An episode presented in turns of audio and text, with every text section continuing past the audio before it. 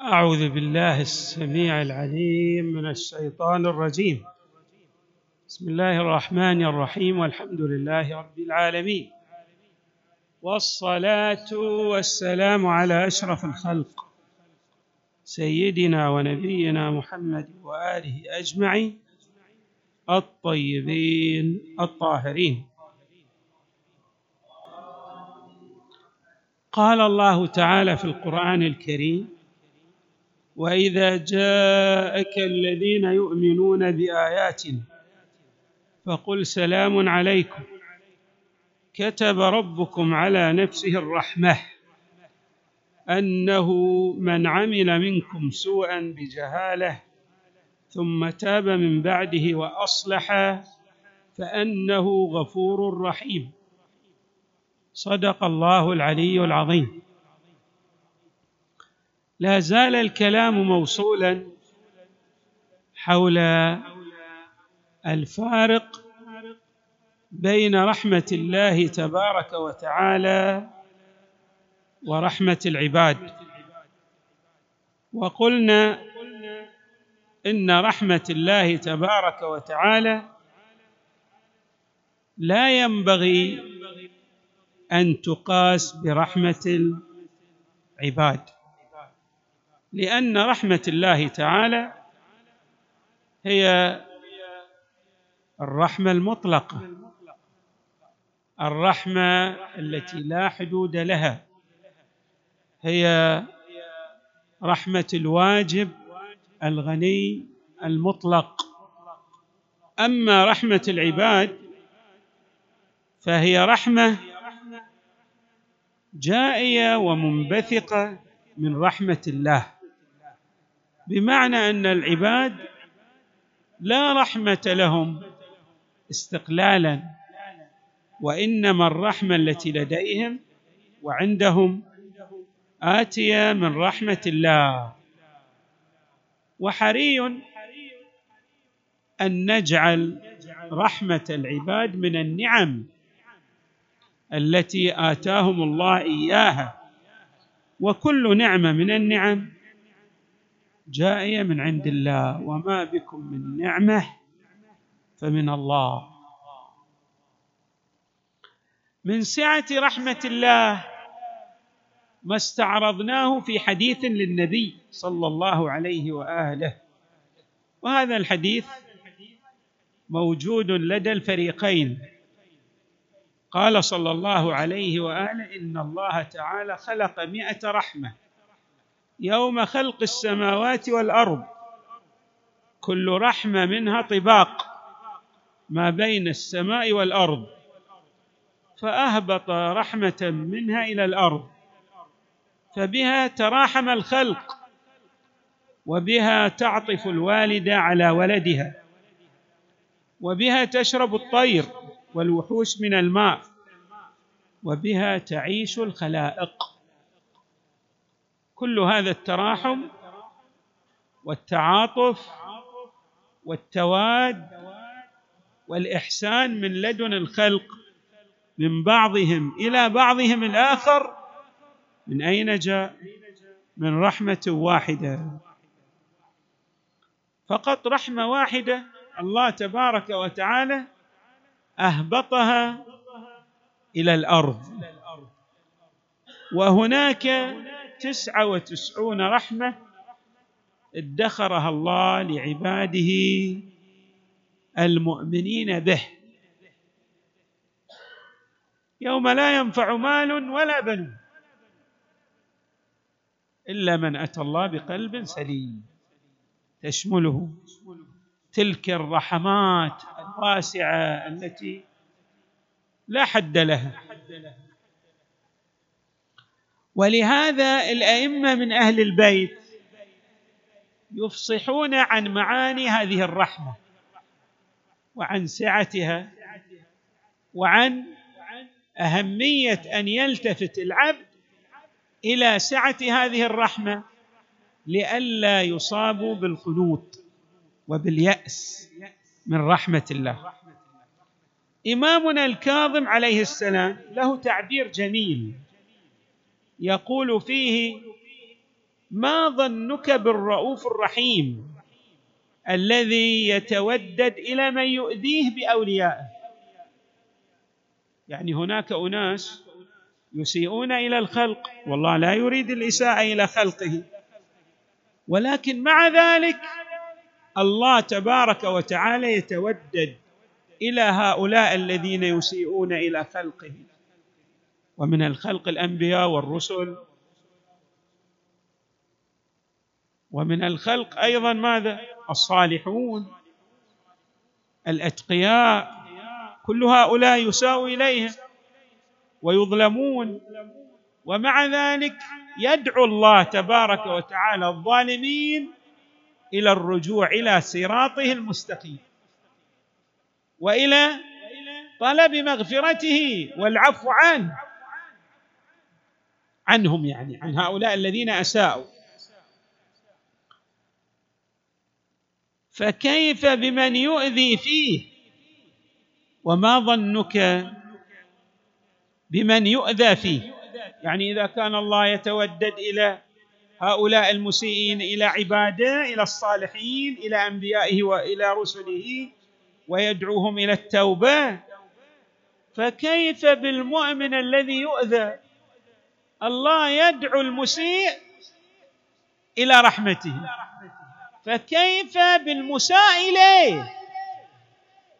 فكيف بالصالح؟ فهذا تحيطه الرحمة من جميع جوانبه. فكيف بمن يؤذى فيه؟ وما ظنك بالتواب الرحيم الذي يتوب على من يعادي الشخص الذي يعادي الحق تبارك وتعالى. ما معنى معاداة الحق؟ السير في الاتجاه المعاكس لما يريده الله تبارك وتعالى. فكيف بمن يترضاه ويختار؟ هذا هؤلاء الذين يترضون الله منهم؟ الأنبياء والرسل. والذين يختارون عداوة الخلق من أجل رضا الحق. يعني يعادون ماذا؟ الجبابرة والطغاة والظالمين من أجل مرضاة الله ويتحملون الأذى. فهؤلاء أي رحمة تحيط بهم وتصب عليهم وتغدق عليهم هذه الرحمات. نعم. ولهذا الله تبارك وتعالى دعا الناس إلى رحمته. وقال إن رحمتي وسعت كل شيء. كل الأشياء تشمل هذه الرحمة. من لا تشمله الرحمة؟ من لا يريد الرحمة؟ الشخص الذي يأبى أن ينال رحمة الله هذا الله تبارك هو لا يريد إلا الغضب.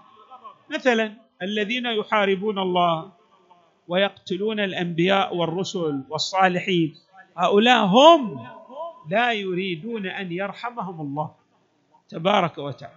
يقول إمامنا زين العابدين إن الله تبارك وتعالى الحليم العليم إنما غضبه على من لم يقبل منه رضاه. اللي ما يقبل رضا الله اللي ما يقبل رحمة الله الذي لا يقبل الهدي الإلهي هذا الذي ينال الغضب والسخط والمقت الإلهي. وإنما يمنع من لم يقبل منه عطاه. الله يمنع هذه الرحمة. عمن؟ عن الذي لا يقبل من الله هذه الرحمة التي يعطيها للعباد. وإنما يضل من لم يقبل منه هداه. الله يضل بعض الناس. لماذا يضلهم؟ لأنهم يختارون الشر والعياذ بالله. يختارون السوء. فالله يقطع عنهم المدد الالهي يقطع عنهم الرحمة. بمعنى لما نقول إن الله تعالى يهدي من يشاء ويضل من يشاء. يعني من يشاء الخير الله يوفقه للخير ويزيده ويتولى بعنايته. ويضل من؟ من يشاء السوء. يضله لاختياره السيء. ثم يقول إمامنا زين العابدين كتب على نفسه الرحمة فسبقت هذه الرحمة قبل الغضب. فتمت صدقا وعدلا. أيضا يبين لنا المصطفى محمد. ما صلي.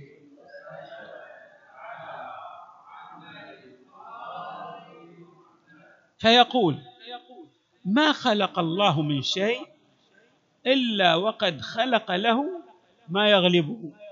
كل شيء خلقه جعل له شيئا يتغلب عليه. ثم قال وخلق رحمته تغلب غضبه. يعني خلق هذه الألطاف خلق هذه السعة من الرحمة تتغلب على المقت والغضب الإلهي الذي يحيط بالسيئين. ولهذا حري بالمؤمن أن يلتفت إلى موجبات الرحمه وقد استعرضت طائفة من الروايات امورا متعددة جد متعددة. إذا التفت إليها المؤمن وعمل بها شملته الرحمة الواسعة للحق تبارك وتعالى. يقول إمامنا الباقر عليه السلام تعرض للرحمة. يدعو الناس تعرضوا للرحمة. وإلى عفو الله بأي شيء. أيها الباقر يقول بحسن المراجعة.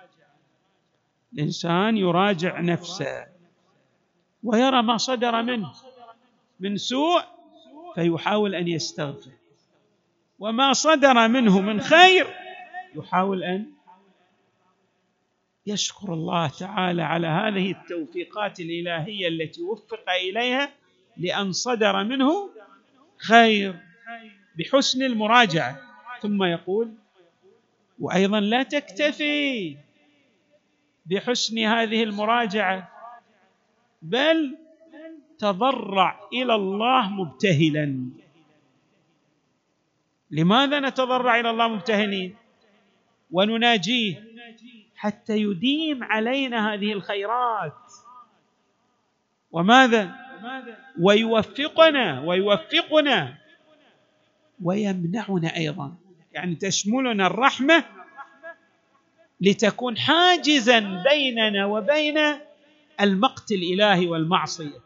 لأن هذه المناجاة في ظلم الليالي والابتهال إلى الله هي ماذا؟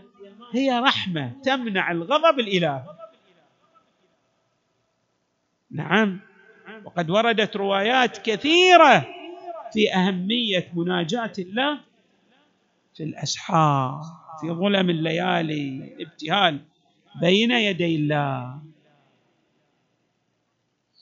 يقول إمامنا أمير المؤمنين عليه السلام في هذا الشأن بذكر الله تستنزل الرحمه كلما تذكر الله تقول إلهي اللهم إني أسألك عفوك أسألك رضاك أسألك التوفيق للطاعة وبعد المعصية. أنت في الحقيقة تستنزل رحمة الحق تبارك وتعالى.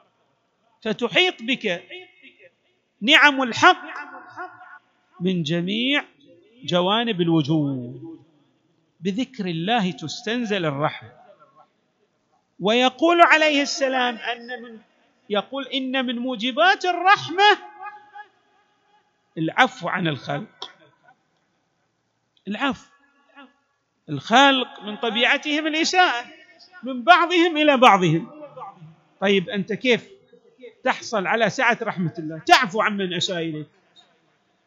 هذا طريق للرحمة.